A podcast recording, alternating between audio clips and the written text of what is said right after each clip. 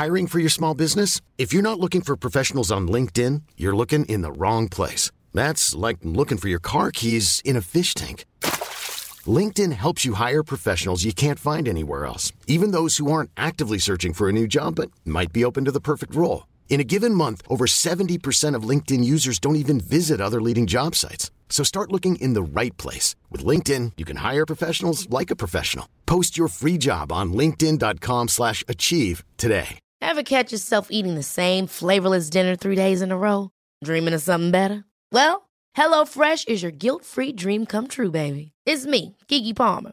Let's wake up those taste buds with hot, juicy pecan-crusted chicken or garlic butter shrimp scampi. Mm. Hello Fresh. Stop dreaming of all the delicious possibilities and dig in at HelloFresh.com. Let's get this dinner party started.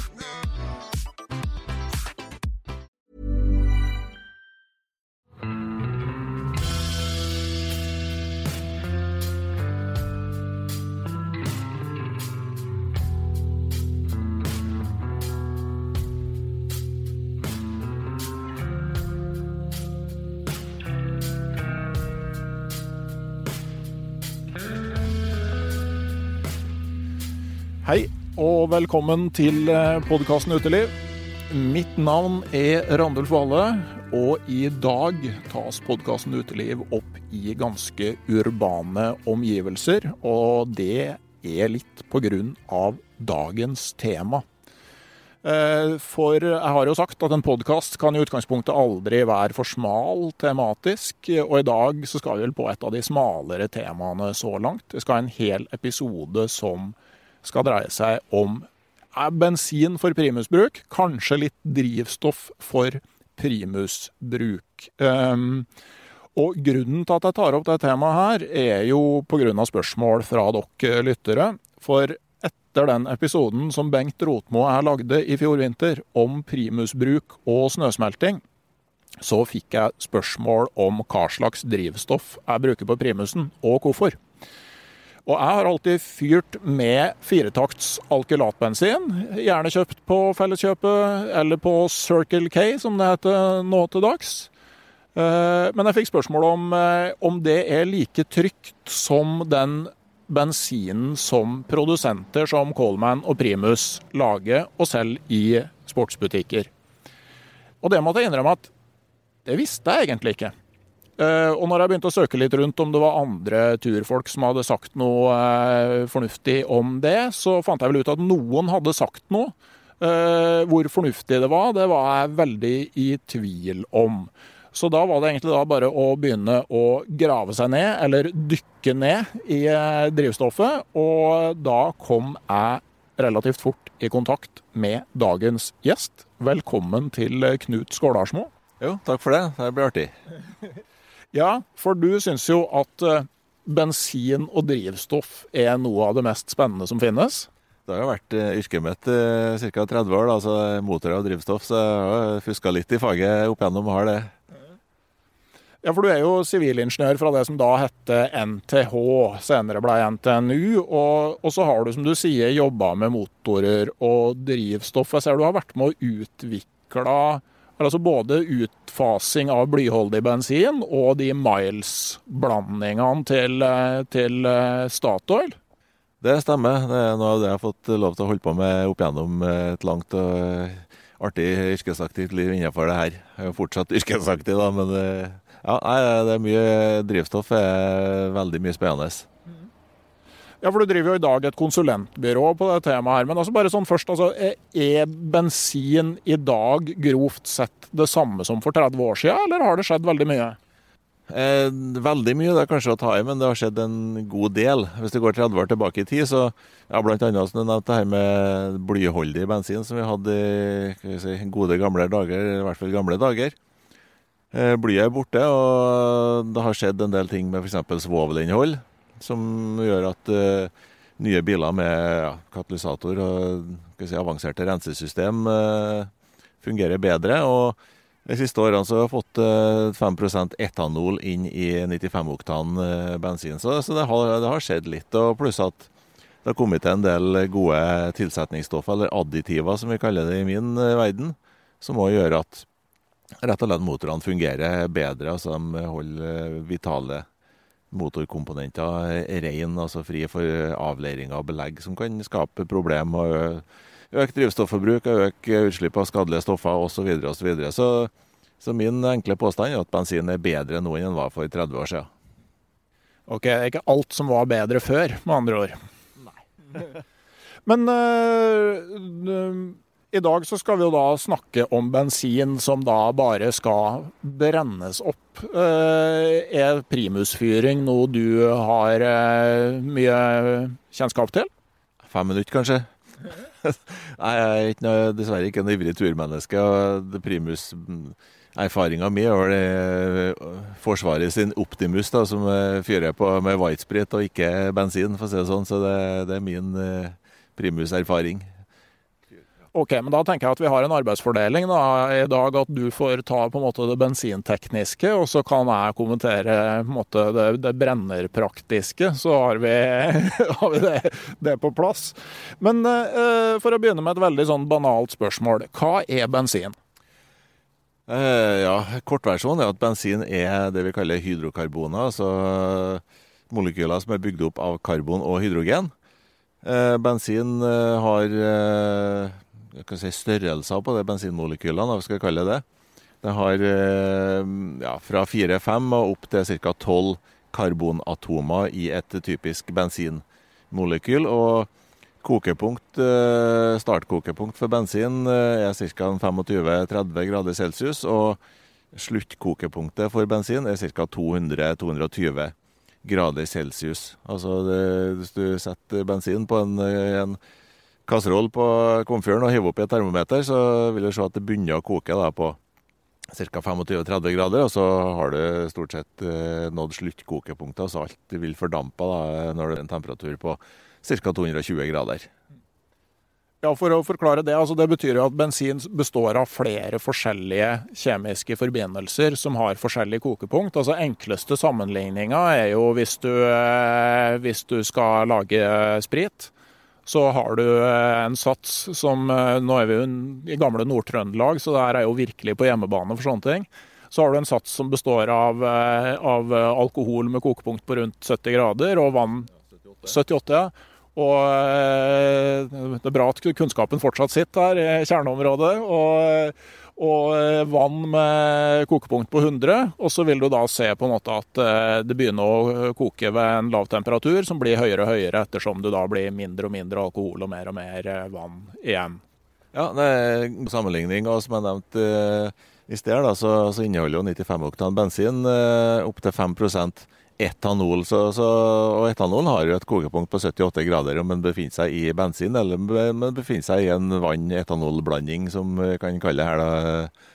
Så, så ja. Um, hvis en eh, plukker bensin i veldig små biter, så, så vil man finne altså, kanskje 10 000 forskjellige enkeltmolekyler. Det er litt som hvis du har en, eh, en kasse med legoklosser, så kan du bygge opp disse molekylene eh, på veldig mange forskjellige måter. Da, hvis du har eh, tilstrekkelig mange legoklosser. Og, og, og, måten molekylene er oppbygd på, bestemmer og i stor grad det vi kaller forbrenningsegenskaper. F.eks. For her med oktantall, da, som vi kjenner fra bilbensin, men som ikke har noe betydning da, i en primus f.eks skal komme tilbake til det, men for å sette inn i sammenheng, da, så er jo på en måte bensin, eh, diesel og det vi kaller gass, da, det er jo på en måte eksempler på egentlig akkurat samme forbindelser. Altså Hvis vi har en gassboks for turbruk hvor vi har butan, isobutan og propan, som da har kokepunkt fra minus 0,5 og ned til minus 42 grader, så er det prinsipielt akkurat sånn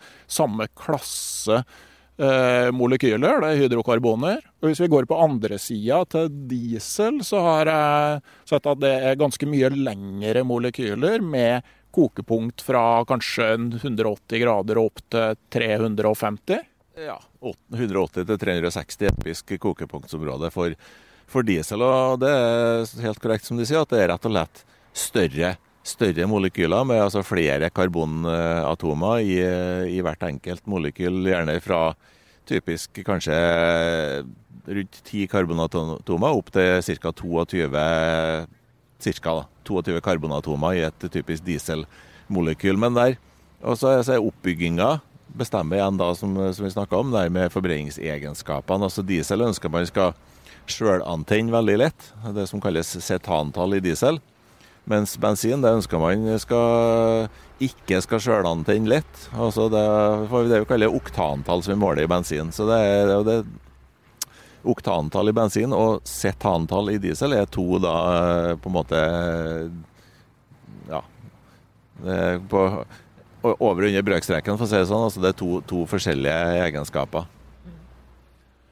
Yep. Uh, og det vi merker når vi fyrer primus, ikke sant, det er at uh, altså, parafin og diesel som har høyere kokepunkt, trenger mer forvarming. Uh, for når du bruker en primus, så brenner du jo drivstoffet etter at det har gått over til gass. og Derfor du forvarme før du starter opp. og og da er det altså sånn Når du bruker parafin, så trenger du mer forvarming for å få primusen til å, å brenne ordentlig. Ja, det er helt korrekt. Og, og i, sånne forbrenningsverdenen så er det, det er alltid sånn at det er gassen som brenner. Fast stoff eller flytende, altså ei væske, vil aldri brenne direkte. Det, det, er alltid gassen som brenner. Så når du får fyr på en vedkubbe, så er det pga. at du varmer den opp så mye at den avgir en brennbar gass. Og da får du fyr på, på vedkubben. Akkurat det samme med, si, med, med parafin eller diesel for den saks skyld. At du må varme opp det mer for at det skal avgi en brennbar gass. Og det defineres i min verden som flammepunkt. Altså hvor, eh, ved hvilken temperatur avgir væska da, en, eh, en antennbar eh, gassblanding. Skal vi også si noe generelt om hva som skjer, altså sånn produktene du får når du brenner hydrokarboner? Ja, Ideell forbrenning gir kun CO2, altså karbondioksid, og vann. Så når du brenner en eh, kilo, eh, for å bruke på massebasis, da, kilo bensin eller diesel, så får du 3,2 kilo CO2 og en drøy liter eh, vann hvis du kondenserer den vanndampen. Så det er det ideelle måte, forbrenningsproduktene. Men en forbrenning, forbrenning, er aldri helt ideell, og da får vi litt småsnadder i tillegg. Da, så det vi kaller hydrokarboner, uforbrent eller delvis forbrent drivstoff. Vi kan få litt CO, altså karbonmonoksid. Og er temperaturen høy nok, så kan vi få nitrogenoksider, som vi har gjerne ut av en motor, men som ikke vil få i en sånn type primusforbrenning pga. at temperaturen er for lav. Og har du store molekyler som ikke rekker å forbrenne fullstendig, da, så, så, kan du få danna partikler, altså sot, sotpartikler. Det, det, det, er jo det du ser på si, bunnen av en kasseroll på primusen hvis, hvis du fyrer med feil drivstoff. Du vil jo òg se det i selve primusen av og til, at uh, sote. Men det å, å, legge merke til at sant, du får større vekt av reaksjonsprodukter enn det du starta med. Og det der er ganske vanskelig for en del å forstå, at du brenner opp noe, og så får du større vekt av produkter enn det du starta med. Og jeg kom på i dag en film fra 1995 som het 'Smoke' som starter med en scene hvor noen Det, det, det utspiller seg liksom i en tobakksbutikk i en eller annen amerikansk by. Og det starter med en scene hvor de sitter og røyker, og en forteller om et veddemål hvor en har sagt at han skal klare å veie røyken fra en sigar. Og de andre tenker at det her kan jo ikke gå an. Og så sier han at jo, han var ganske smart. Så det han gjorde, var at han veide sigaren før han begynte å røyke den. Og så røkte han sigaren og tok vare på aska, og veide aska. Og så var differansen mellom vekten til aska og vekten til sigaren, det var vekta av røyken. Eh, vel Det er mulig det fungerer på film, men ikke helt i virkeligheten. For det er jo sånn at eh, altså, du må se, Da går vi ned på molekylvekt, da, men eh, karbon har molekylvekt eh, 12. Og Oksygen har molekylvekt 16, så det betyr at eh, CO2 Da har du altså 12 fra karbon og 2 ganger 16, som er 32, altså 12 pluss 32. Da er vi på 44, som er på en måte, Da har det karbonet vokst fra 12 til 44 da, på en måte i, i, i vekt, for å si det sånn. Ja. Det er liksom litt vanskelig å innse at luft faktisk har en vekt. Jeg tror det bunner litt der. Og, men i hvert fall eh, Han tapte egentlig det veddemålet som han da sannsynligvis eh, fikk eh, premien for, da. Men for å gå tilbake til det med bensin. altså Vi møttes jo her på Hell på Stjørdal, eh, like ved en eh, bensinstasjon. Og eh, på en måte en sånn første tanke når du skal ha bensin til primusen, er at altså 15 kroner literen på pumpa, ta med seg ei kanne og fylle bilbensin til primusen. Men hvis du ser på produktdatabladet for bilbensin, så er det en del ting som automatisk gjør at det der virker som en dårlig idé. For det står jo bl.a. ganske alvorlige advarsler. Kan gi genetiske skader, kan forårsake kreft. Mistenkes for å ødelegge fruktbarhet og skade det ufødte barnet. Hva er det som gjør eh, bilbensin fra pumpa såpass skummel? Ja, eh, bensin har aldri vært eh, å få kjøpt på helsekostforretninger, for å si det sånn. Det er enig i. Men altså for å si sånn, Bensin inneholder en del eh, komponenter som, som, er altså Hvis du tenker da bensin i flytende form, og den dampen som eh, si, uforbrent bensin avgir, for det er jo det som kommer fram i produktabladet. Vi snakka i sted om eh, forbrenningsprodukter, men produktdatabladet omhandler det skal si, farepotensialet eller egenskaper til det flytende drivstoffet. Og øh, vanlig bilbensin, altså vanlig pumpebensin, inneholder inntil 1% benzen, som er en, eh, det minste aromatet, altså en ringforma hydrokarbon. Og det er meget kreftfremkallende. Sånn motorteknisk så er det et fantastisk bra drivstoff som sådan, men eh, altså, det flytende produktet er meget helseskadelig. I tillegg så inneholder bensin inntil eh, 35 totalt da, med det vi kaller aromater, altså det vil si, si, større brødre og søsken til bensin, for å si det sånn. Eh, og hvis det er noen som eh, kjenner begrepet toluen og xylen, så er det typiske aromater som du finner eh, veldig mye av i vanlig bensin. Og det, det er Altså, aromater er veldig gode løsemidler. og Det betyr hvis du får det inn i kroppen, altså puster det inn, så, så vil det jo kunne påføre skader. Så, så det å puste inn Bensindamp er definitivt ikke å anbefale. I hvert fall ikke damp fra vanlig bilbensin. Da. Og Det er jo der den herre si, primusbensin eller alkylatbensin uh, kommer inn da, som et, et mer si, helsemessig gunstig alternativ. Ja, nei, for at, eh, så vidt jeg har lest, altså man klarer ikke å finne noen på en måte nedre konsentrasjon av bensin som faktisk er trygg. Nei. Jeg tror bensin er Så lenge du har bensin til stede, så er det per definisjon helseskadelig. Og, og det er jo en av de fine tingene med ja, alkylatbensin og primusbensinene, at de er ja, bensinfri, men òg aromatfri. Så, så, det er jo meget gunstig. Og for du snakka i sted om eh, bensin for 30 år siden. Da tror jeg faktisk det var 5% bensin som var grensa. Så, så der har det jo skjedd ei forbedring da, i som sagt i sånn HMS-håndteringsmessig eh, sammenheng. Stemmer det at bensin for Formel 1 og sånn til tider har vært nesten ren bensin? Ja, der har det vært mye artig kjemi. Det er jo eh, nesten så det handla si, komponenter på apoteket og gikk hjem og mekka sammen eh, noe som fungerte utmerket. Det kosta flesk, og det var meget kostbare saker. Men, så, men det finnes mye annet artig enn bensin, da, som uh, for så vidt både er ikke helsemessig bra, men også som fungerer utmerket godt i en eh, Formel 1-motor. Da snakker vi om, eh, om bestanddeler eksempel, som, som, som, har veldig høy forbrenningshastighet, og som avgir mye varme under forbrenninga. Men det, det Formel 1-bensin er kanskje litt på sida av dagens tema, for å si det sånn, men mye artig var det.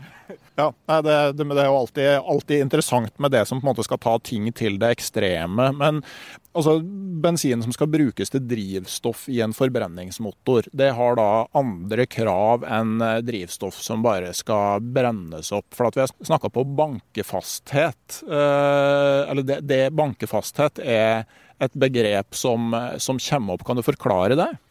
Ja, bankefasthet beskrives ved bensin sitt oktantall. Og som jeg nevnte i sted, oktantall er evne til å motstå sjølantennelse. Og det vil si at uh, hvis en bensin med høyt oktantall, da må du ha høy temperatur før bensin sjølantenner.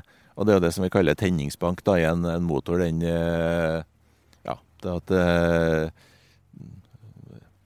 bensindamp ben- eller luft-drivstoffblandinga i eh, sylinderen antennes pga. Eh, høy temperatur eh, i sylinderen og forårsaker den karakteristiske bankinga.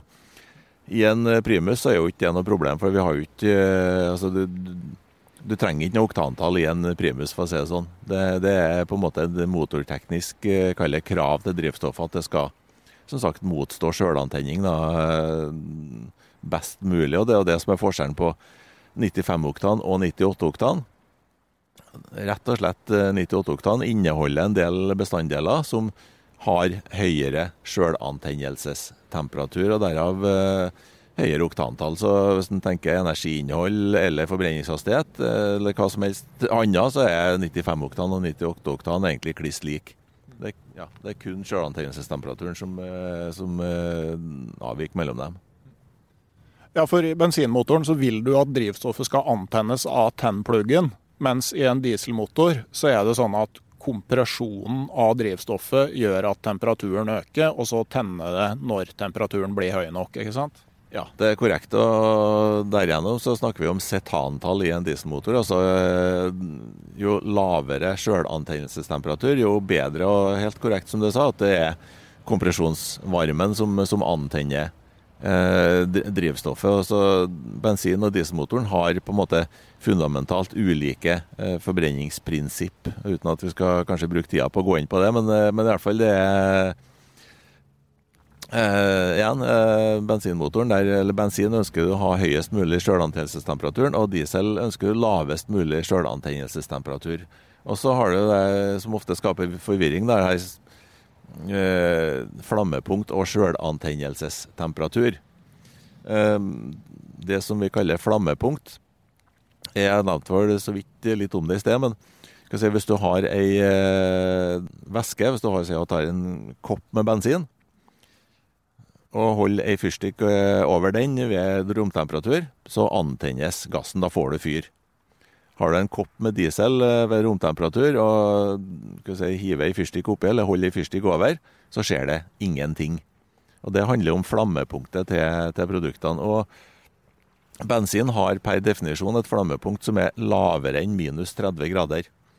Så Det betyr at om du har en kopp med bensin stående i fryseren og holder fyrstikk over den, så får du antent eh, den gassen som er over væskeflata. Eh, diesel da må du over 55 eller 60 grader for at du skal få en antennbar gass over væskeflata. Så i praksis så må du varme opp dieselen til over jeg tror Kravet er 55, men som regel så ligger det på rundt 60 grader. Eh, så igjen, du må varme opp dieselen til ca. 60 grader før, før du kan få, få, fyr på den, for å si det sånn, eh, ved å holde ei fyrstikk over eh, væskeflata. Og der, ikke sant, Når du forvarmer en primus, en bensinprimus, så kan du bare slippe ut litt bensin eh, fra primusen og tenne på det. Mens det å tenne på eh, parafin fra en parafinprimus eh, det, altså Der har man jo gjerne hatt med rødsprit og forvarme. Eventuelt så hjelper det hvis du har en veike i, i, akkurat som på ei oljelampe. ikke sant? For det som da skjer, er at du får jo økt arealet, effektivt areal til væskeflaten. Sånn at, eh, sånn at du eh, får eh, temperaturen opp til over flammepunktet, sånn at det fortsetter å brenne. Men en annen ting med bilbensin da, altså En ting er jo at det er helseskadelig, og det i seg sjøl er jo grunn god nok til å ikke bruke det. Men en annen ting er jo at erfaringsmessig så soter vanlig bilbensin veldig mye når du bruker det på primus. Eh, eh, nå er ikke organisk kjemi mitt, eh, sånn, min sånn paradegren, men det at du har de aromatene som en litt sånn spesiell type hydrokarboner med ganske sterke bindinger Jeg ser for meg at altså, Her har du bindinger som er tunge å bryte krever mye energi for å få forbrent ting fullstendig, og at du derfor kan ende opp med en del ufullstendig forbrenning og soting? Ja, aromater er stort, eh, altså typisk ganske store molekyler, men eh, det er jo faktisk også sånn at det er rett og lett størrelser på molekylene som, eh, som avgjør om du får soting eller ikke. Altså, eller egenvekta, om du vil, hvis du plukker bensin i småbiter. Så vil det generelt være de bestanddelene som har størst egenvekt. altså lengst karbonkjede, om du vil, som, som først og fremst genererer sotinga. Det, har, det er òg på en måte grunnen til at aromatene har fått det ryktet på seg. Det er jo gjerne at, at det, er, det, er, ganske store, sier, store komplekse molekyler som det tar litt tid å, å altså bryte ned eller å få fullstendig forbrenne. Men eh, som sagt så, så, er det like gjerne si, egenvekter eller størrelser på molekylene som, som gir soting. Og, og, det er en typisk forskjell på, på bilbensin og f.eks. alkylatbensin. At eh, bilbensin har eh, jeg nevnte i sted, så her med sluttkokepunkt på rundt 200-220 eh, grader. Mens alkylatbensin eh, kanskje har et sluttkokepunkt på 130-40-50 grader. Så, så kan jeg si eh, kortere karbonkjeder, for å si det sånn. Altså færre karbonatomer i, eh, typisk i et eh, alkylat eller primusbensin sammenlignet med bilbensin. OK. Um, men det kan jo gå over på alkylatbensin. Altså sånn, er det noe forskjell på måten Altså, Hva er alkylatbensin? Hva er det som skiller det fra den bensinen som vi har i pumpa? Eh, først og fremst er det totalt fravær av her aromatene. Største forskjellen altså Alkylatbensin er ja, eh, parafiner og det som kalles isoparafiner. Så det vil si eh, iso-forbindelser er per definisjon for, forgreina forgreina med molekyler. Så karbonatomer henger ikke på, på en lang, lang rekke som, eh, som perler på en snor, men de er, de er forgreina. Og det, og det gir bl.a. høyt eller godt oktantall. Så Eh, alkylatbensin eh, har et oktantall på eh, litt avhengig av hvordan du måler oktantallet, men eh, ca. 95. Eh, oktantallet på en sånn primusbensin har jeg aldri sett noe mål på, men eh, hvis vi antar at det er pluss-minus samme kjemi, så, så, vil det være eh, typisk ganske likt. Men har du kun rettkjeda hydrokarboner, så, så, så vil oktantallet være lavere. men forbrenningsegenskaper for øvrig. Altså det her med soting og varmeavgivelse. og Den biten vil være eh, identisk. Sånn Fra Aspen, som er en sånn svensk produsent av alkylatbensin, så, eh, så står det at alkylatbensin lages av hydrokarboner i gassform fra fossile drivstoff. Uh, at det heter alkylering. Uh, og at det på en måte den beskrives som overskuddsgass fra råoljedestillasjon. Altså, er det en annen produksjonsmetode på alkylatbensin enn på vanlig bilbensin? Ja, Det blir jo på en måte en sånn, en litt sånn syntetisk bensin. Da. Hvis du starter med en gass, så, så, kan du jo på en måte bygge sammen eh, karbonkjedene litt som du vil. Så, så, det er jo en vesentlig forskjell. da, Mens vanlig bilbensin er jo produkt fra råoljedestillasjon. Men eh, destillasjon er første trinnet i si, framskaffelse av en bensin. Det er òg mange andre prosesser som, som, eh, skjer i et raffineri for at bensin skal få det si, ønska og nødvendige egenskapene til en, til en bilbensin. Men uh, du kan sånn sett kanskje sammenligne det litt med hvis en tenker motorolje eller smørolje, altså Hvis du sammenligner en mineralsk olje og en syntetisk olje, så, så, så er det litt, uh, litt samme der. At en syntetisk olje, der starter man med gjerne med en eh, gass. Og så igjen, da, da, kan du Da har du på en måte brutt opp eh, molekylene. Og igjen refer referanse til denne Lego-kassen med legoklosser. Så har du liksom eh, laga deg en eh, svær haug med legoklosser med karbon og hydrogen, og så kan du bygge sammen molekylene sånn som du ønsker. Yep. Men en viktig ting da, hvis du skal kjøpe alkylatbensin, altså typisk felleskjøpet Circle K, eh, ja, Biltema har vel og sånne ting. Altså, eh, det finnes firetaktsbensin, og det finnes totaktsbensin. Og eh, jeg tenker i hvert fall at i primus bruker man firetaktsbensin. Ja, og grunnen til det er ganske enkelt at den totaktsbensin, eller totaktsalkylatet, inneholder totaktsolje, altså smøreolje. Og smøreolje og olje er jo store, tunge molekyler som, som igjen da vil gi soting. Så det, det, det, vil jo brenne, men du vil få mer soting hvis du skal si uheldig å fylle på totaktsalkylat kontra firetaktsalkylat. Jeg har fått tak i sammensetninga til alkylatbensin fra eh, flere produsenter, Circle K, Aspen og Felleskjøpet. Og bare litt sånn om de komponentene der. Det er jo da nafta og isomerat som er liksom hovedkomponentene. Altså, eh, kan du si litt om hva det er for noe? Ja, eh, Nafta er jo på en måte en litt sånn uh, fellesbetegnelse som uh, gjerne ikke brukes i drivstoffsammenheng. Da. Det er mer en sånn uh, type produktdatabladbetegnelse. Men um, hovedforskjellen er, som jeg nevnte i sted, altså det her med hvordan molekylene er bygd opp. Om karbonatomene henger på ei rett kjede som perler på en snor, eller om de er som sagt forgreina, så at du har ja, ikke i rett kjede. Og det, og det, bestemmer i stor grad det her med, med bankefasthet og oktantall. Men uh, igjen, med tanke på forbrenningen primus, så, så, så, så, vil du ikke se forskjell på en det vi kaller en iso, isoparafin. Det er sånn et forgreina molekyl og et uh, rettkjeda molekyl uh, med, med, samme karbonantall. F.eks. om du har åtte karbonatomer Eh, der er tilfeldigvis eh, et stoff som heter for isooktan, som, er, som danner grunnlaget for dette oktantallet. Som er en eh, referansebensin når man måler oktantall. Og du kan ha altså, åtte karbonatomer hengende etter hverandre som perler på en snor, og du vil ha egentlig samme egenskaper i en primus, men vil oppføre seg veldig forskjellig i en motor pga. det her med oktantall. da.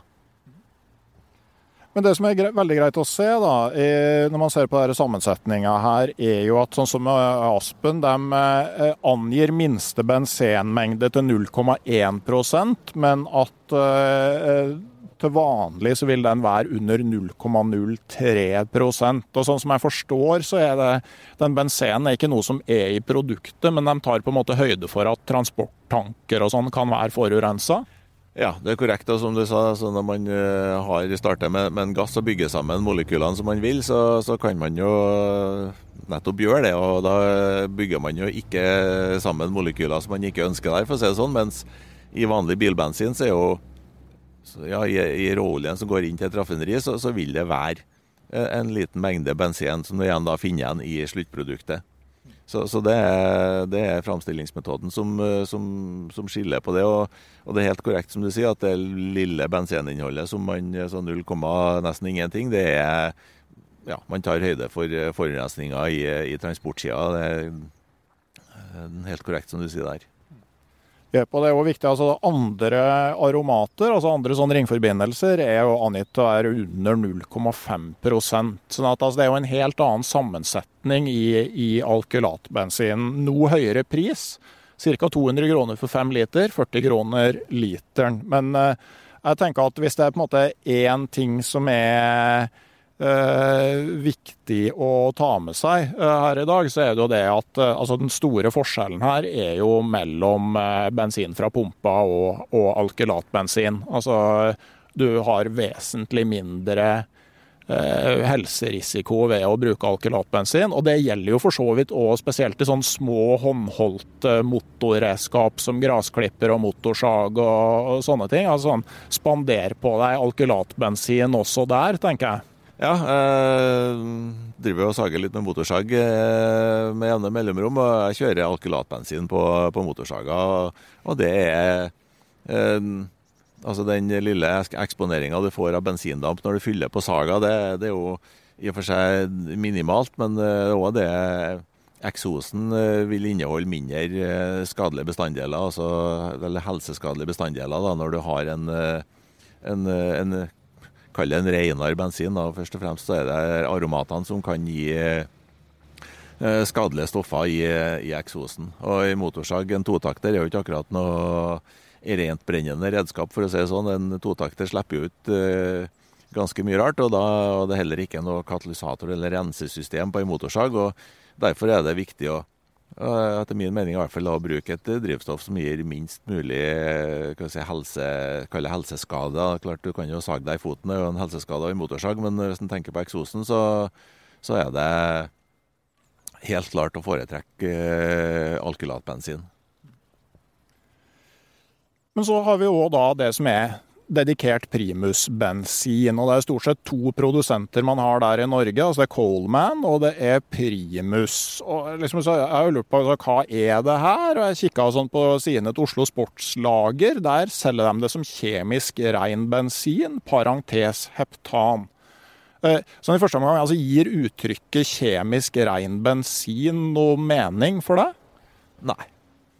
Det er jo ikke det. Eh, jeg sitter og kikker på, på disse produktdatabladene. Ut ifra det jeg kan lese her, så, så, kan det jo, i den grad det er noe forskjell, så, så, så kan det jo være eh, altså Hvis du kjører tom for bensin på veien hjem og har en eh, kanne med primusbensin i bagasjerommet, så, så kan det jo ut ifra det jeg ser på dataen her, eh, virke som at denne primusbensinen ikke er like egnet i en eh, motor pga. Eh, den inneholder mindre bestanddeler da, med høyt oktantall. Så liksom, eh, hvis du, hvis du, ser at eh, du begynner å kjøre bensintørt på vei hjem igjen fra et sted hvor det ikke finnes noen bensinstasjon, så er det bedre å helle på den literen med Coleman Fuel når det er igjen 15 liter på tanken, enn når du har kjørt bensintomt? Det er veldig korrekt. Eh, det er vanskelig å si noe veldig eksakt ut ifra det. Databladene er er jo veldig runde runde grenser på, på, det som er oppgitt av eh, bestanddel her, men eh, ja, det, det, ja, det, det si. ja, for det er jo litt sånn eh, Når du får alkylatbensin, så, så er det en prosentvis sammensetning. Altså For Patrions av podkasten Uteliv så legger jeg ut en artikkel som handler om mye av det samme som vi har snakka om her i dag, så kan få se litt mer på en måte, hva de forskjellige typene består av. Litt mer Eh, det greier å se det enn å høre det. Men uh, på eh, alkylatbensinen som du får på bensinstasjoner og felleskjøp og sånn, så er det en på en måte sånn prosentvis beskrivelse av hva de inneholder som går opp. F.eks. på Circle K så skal det være 67-74% nafta. Og så skal det være 26-33% hydrokarboner som er større enn C5. Og det summerer jo til 100 på en måte både i øvre og nedre. Men hvis du ser på Coleman Fuel, så skal det være 50 til 70 eller, Men hvis du ser på Primus Power Fuel, så skal det være 25-100% nafta. 25-100% pentan. 10-25% heptanoisomerer. Og det her eh, summerer jo på en måte Det her går ikke opp. Eh, hvis det kan være inntil 100 av noe, så kan det ikke være minimum 25 av noe annet. Nei, det, og det, det, de produsentene de gir seg jo sjøl veldig god slakt da, for å, måte, hvordan dette produktet er skal du si, skrudd sammen, altså, og innholdet da, av uh, ulike molekylstrukturer, vi skal kalle det. Men det, det, vi kan føle oss trygge på, det er at det oppfører seg utmerket når du brenner det her i en uh, primus, og det er tross alt det som er viktig. Om det har høyt oktantall eller ikke når du brenner en primus, det har jo nada å si så lenge du får varme av kaffen, for å si det sånn. Og her også er det jo da helt fritt for eh, eller sånn samme lave grenseverdier for aromater og benzen, og antagelig her òg bare et resultat av forurensning. Og jeg ser jo altså Coleman sier at eh, Altså sånn eh, Den beskrivelsen her er mer sånn for sikkerhetsformål. At det må ikke ses på som en, på en, måte som en oppskrift på, på eh, Coleman Fuel, men mer sånn at du skal vite sånn cirka hva det er du håndtere, men at de sier at eh, det produktet de selv er innafor sånn variasjoner innafor sånn 3% på sammensetning, og at det er jo veldig mye mot det med, med kokepunkt uh, og destillasjonskurve, antageligvis, da de, de uh, framstiller det her. Sånn at det, det er jo ingen Altså Sjøl om det er vanskelig å finne ut akkurat hva primusbensin består av, så, så er det jo åpenbart at det er et egnet primusdrivstoff, men antagelig ikke et egnet motordrivstoff. Ja, eh, det er jo en, en grei oppsummering. Det, det, det, kan fungere utmerket i en motor òg, men det, det, sier Soga ikke noe om, for å si det sånn. Altså det, det, er ikke på en måte primære anvendelsesområdet for denne primusbensin, og da legger de heller ikke vekt på den typen opplysninger. Altså det, det er jo ikke noe problem hvis man har et dertil egnet laboratorium og måler oktantallet i en primusbensin, men igjen, i og med at de gir seg sjøl såpass skal si, stor fleksibilitet da, i det vi kaller hydrokarbonsammensetning, altså i de molekylstrukturene som du finner igjen. så så kan det være sånn at uh, ene produsenten av primusbensin har faktisk eh, primusbensin med greit oktantall som du faktisk kan kjøre i en motor, mens en annen leverandør kan ha et oktantall som gjør at uh, motoren ikke vil drives, for å si det på den måten. Så, så det er igjen det er litt sånn korrekt drivstoff eller korrekt bensin på korrekt plass. Det tror jeg er en grei oppstyring. Men eh, igjen, eh, alkylatbensin er etter min eh, enkle vurdering særdeles godt egnet til bruk i en primus. Og da har du jo uh, reservekanne til bilturen hjem. Det er jo godt oppsummert. Og, og så lenge som alkylatbensinen på femliterskannene koster 200 kroner, og en liter med primusbensin koster i overkant av 100, så, så er det jo da det og et, et, på en måte en faktor. Eh, så, men eh, et spørsmål fra en lytter. Hva skjer med bensin som lagres på ei halvfull kanne over tid, typisk flere år? Eh, da må vi skille mellom altså sånn, det vi kaller pumpebensin, eller type, altså bilbensin, og alkylatbensin. Eh, alkylatbensin eller pribussbensin vil eh, overleve skal si, mye bedre på ei kanne enn en 95-oktan eh, bilbensin. Og Årsakene til det er mange, men ho hovedforklaringa er at denne alkylatbensin er på en måte kall renere og mer stabile hydrokarboner. Bilbensin inneholder som jeg nevnte i sted, kanskje 10 000 forskjellige molekylstrukturer. Og enkelte av dem har eh, litt begrensa lagringsstabilitet. altså de, de, har lettere for å, for å begynne å dekomponere da, i kontakt med, med luft. Mens eh, som sagt, eh, alkylatbensin og primusbensin har si, det er veldig stabile molekylstrukturer som, som ikke like lett begynner å, å brytes ned etter en tids lagring. Men når det er sagt, så, så er det jo det, det, er to ting som er viktige, og det er lagringstemperatur. Eh, og eh, sollys, eller lys generelt. Men sollys er ethvert et drivstoff sin verste fiende når det gjelder lagring. Så å ha kanner som, eh, som er hva si, så lysugjennomtrengelig som mulig, det er viktig. Og å lagre så kjølig som mulig. For det som, det som skjer, er jo, men det er jo først og fremst kanskje med tanke på bruk på en motor, da. At det er bestanddelene som har lavest kokepunkt, de, de vil etter hvert fordampe. Det betyr at det som er igjen i flytende form, da, som i praksis du fyller på tanken din, det er komponenter med, med høyere kokepunkt, og som igjen da vil gjøre at du får vanskelig med å få start på, på en motor, f.eks. hvis bensin har stått lenge. Men hvis du er over til bilbensin, da, så, så er 95-oktan innholdet som vi har nevnt i sted, inntil 5% etanol. Og etanol vil også brytes ned over tid i kontakt med, med luft, men også temperatur da, er en vesentlig faktor, faktor der. Så generelt eh, det å ha hvert fall hvis en tenker motor, da. Så hvis en skal parkere en uh, motorsykkel eller moped eller scooter, snøscooter eller hva som helst som skal stå over uh, til neste sesong, så, så, er det å fylle breddfullt med, med, bensin. og Det vil gi størst si, sannsynlighet for at ting fungerer utmerket igjen når du skal ha start etter et halvårs lagring. Men da, altså kanskje sjøl med alkylatbensin, det er mange som lager det i garasjen. og jeg tenker Gjennom sommeren så eh, kan det jo bli kolossalt varmt i en eh, garasje, så det er kanskje noe å tenke på. For han, han lytteren her opplevde da å ha brukt gammel bensin, antagelig alkylat, og eh, opplevde mye mer soting enn vanlig, hadde han da inntrykk av. Så kan det være noen sammenheng der?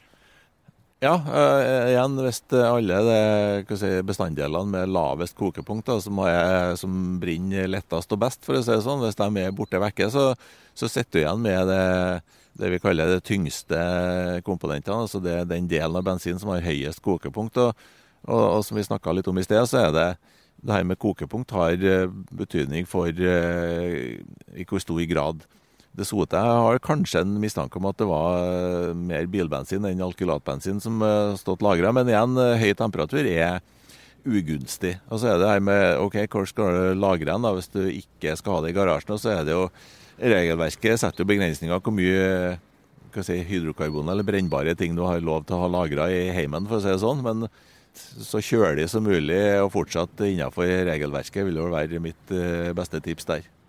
Sånn avslutningsvis, da, vi, vi tar opp episoden på en eh, bensinstasjon, eh, som seg hør og bør. Eh, da er det jo litt andre miljølyder enn vi er vant til. Men så er spørsmålet skal man fyre med bensin, eller skal man fyre med parafin? Og En trygghet med parafin er at det kun er brennbart der bensin er eksplosivt. Som vi har snakka om, at du, du, kan ikke tenne på en parafindam med ei fyrstikk. Eh, bensin gir helt andre forhold inni et telt. Eh, så er det det at bensin trenger mindre forvarming, er enklere å bruke sånn sett, og følgelig kan ha noe mindre risiko for måte uheldige hendelser med høye flammer og ukontrollert oppstart av primusen. Det er den andre sida. Eh, I tillegg så er det da parafinsøl. Det blir der veldig lenge og er veldig uheldig å få i maten. Bensinsøl vil relativt raskt fordampe. Eh, til slutt så er det òg sånn at eh, dagens primuser, når du måler kullosutslippet fra dem, så er det tydelig at veldig mange av dem er konstruert for å brenne renest på bensin. Eh, det er en litt sånn teknisk ting med justering av luftinntak i forhold til gassmengde.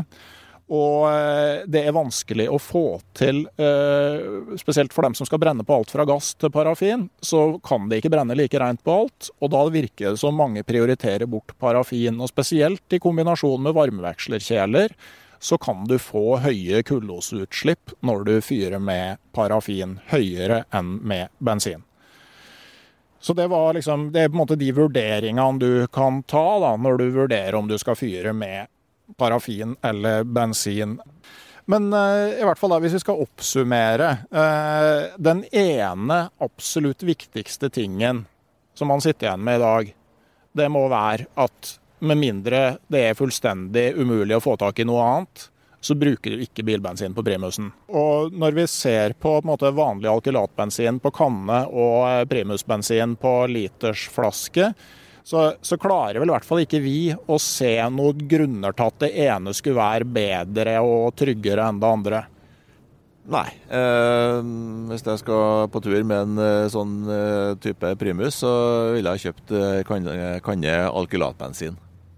Det, ville, det, har jeg jo da gjort, og det tenker jeg å fortsette med. Du gjør ingenting gærent om du kjøper Primus-drivstoff i butikk, og det funker helt fint, det òg. Da tror jeg vi har kommet til en ende her. Det var en eh, interessant prat. Tusen takk til deg, Knut. Jo, nei, men Det er artig å få prate om det man lever ånde og bokstavelig talt brenner for. Må, heller, må, må, brenne mer enn å ånde for det, etter det vi har hørt om farene ved innpustingsluft. Ehm, jeg skal bare si tusen takk til dere som har registrert dere som patrions eh, og frivillige abonnenter på podkasten Uteliv. Det har vært veldig artig å se at folk eh, kommer til eh, der, og det har veldig mye å si for videre drift av podkasten.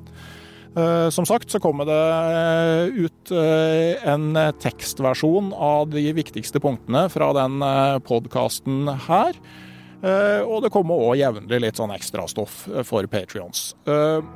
Uansett så kommer det en ny utgave av podkasten Uteliv om ei uke. Ha det bra.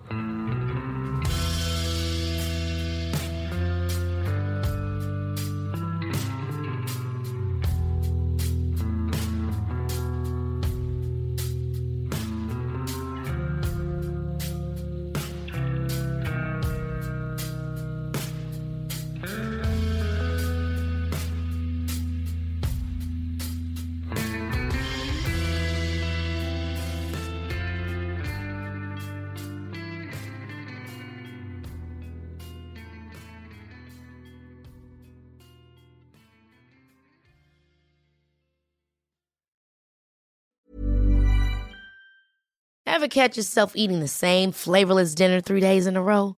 Dreaming of something better? Well, HelloFresh is your guilt-free dream come true, baby. It's me, Kiki Palmer. Let's wake up those taste buds with hot, juicy pecan-crusted chicken or garlic butter shrimp scampi. Mm. Hello Fresh. Stop dreaming of all the delicious possibilities and dig in at HelloFresh.com. Let's get this dinner party started.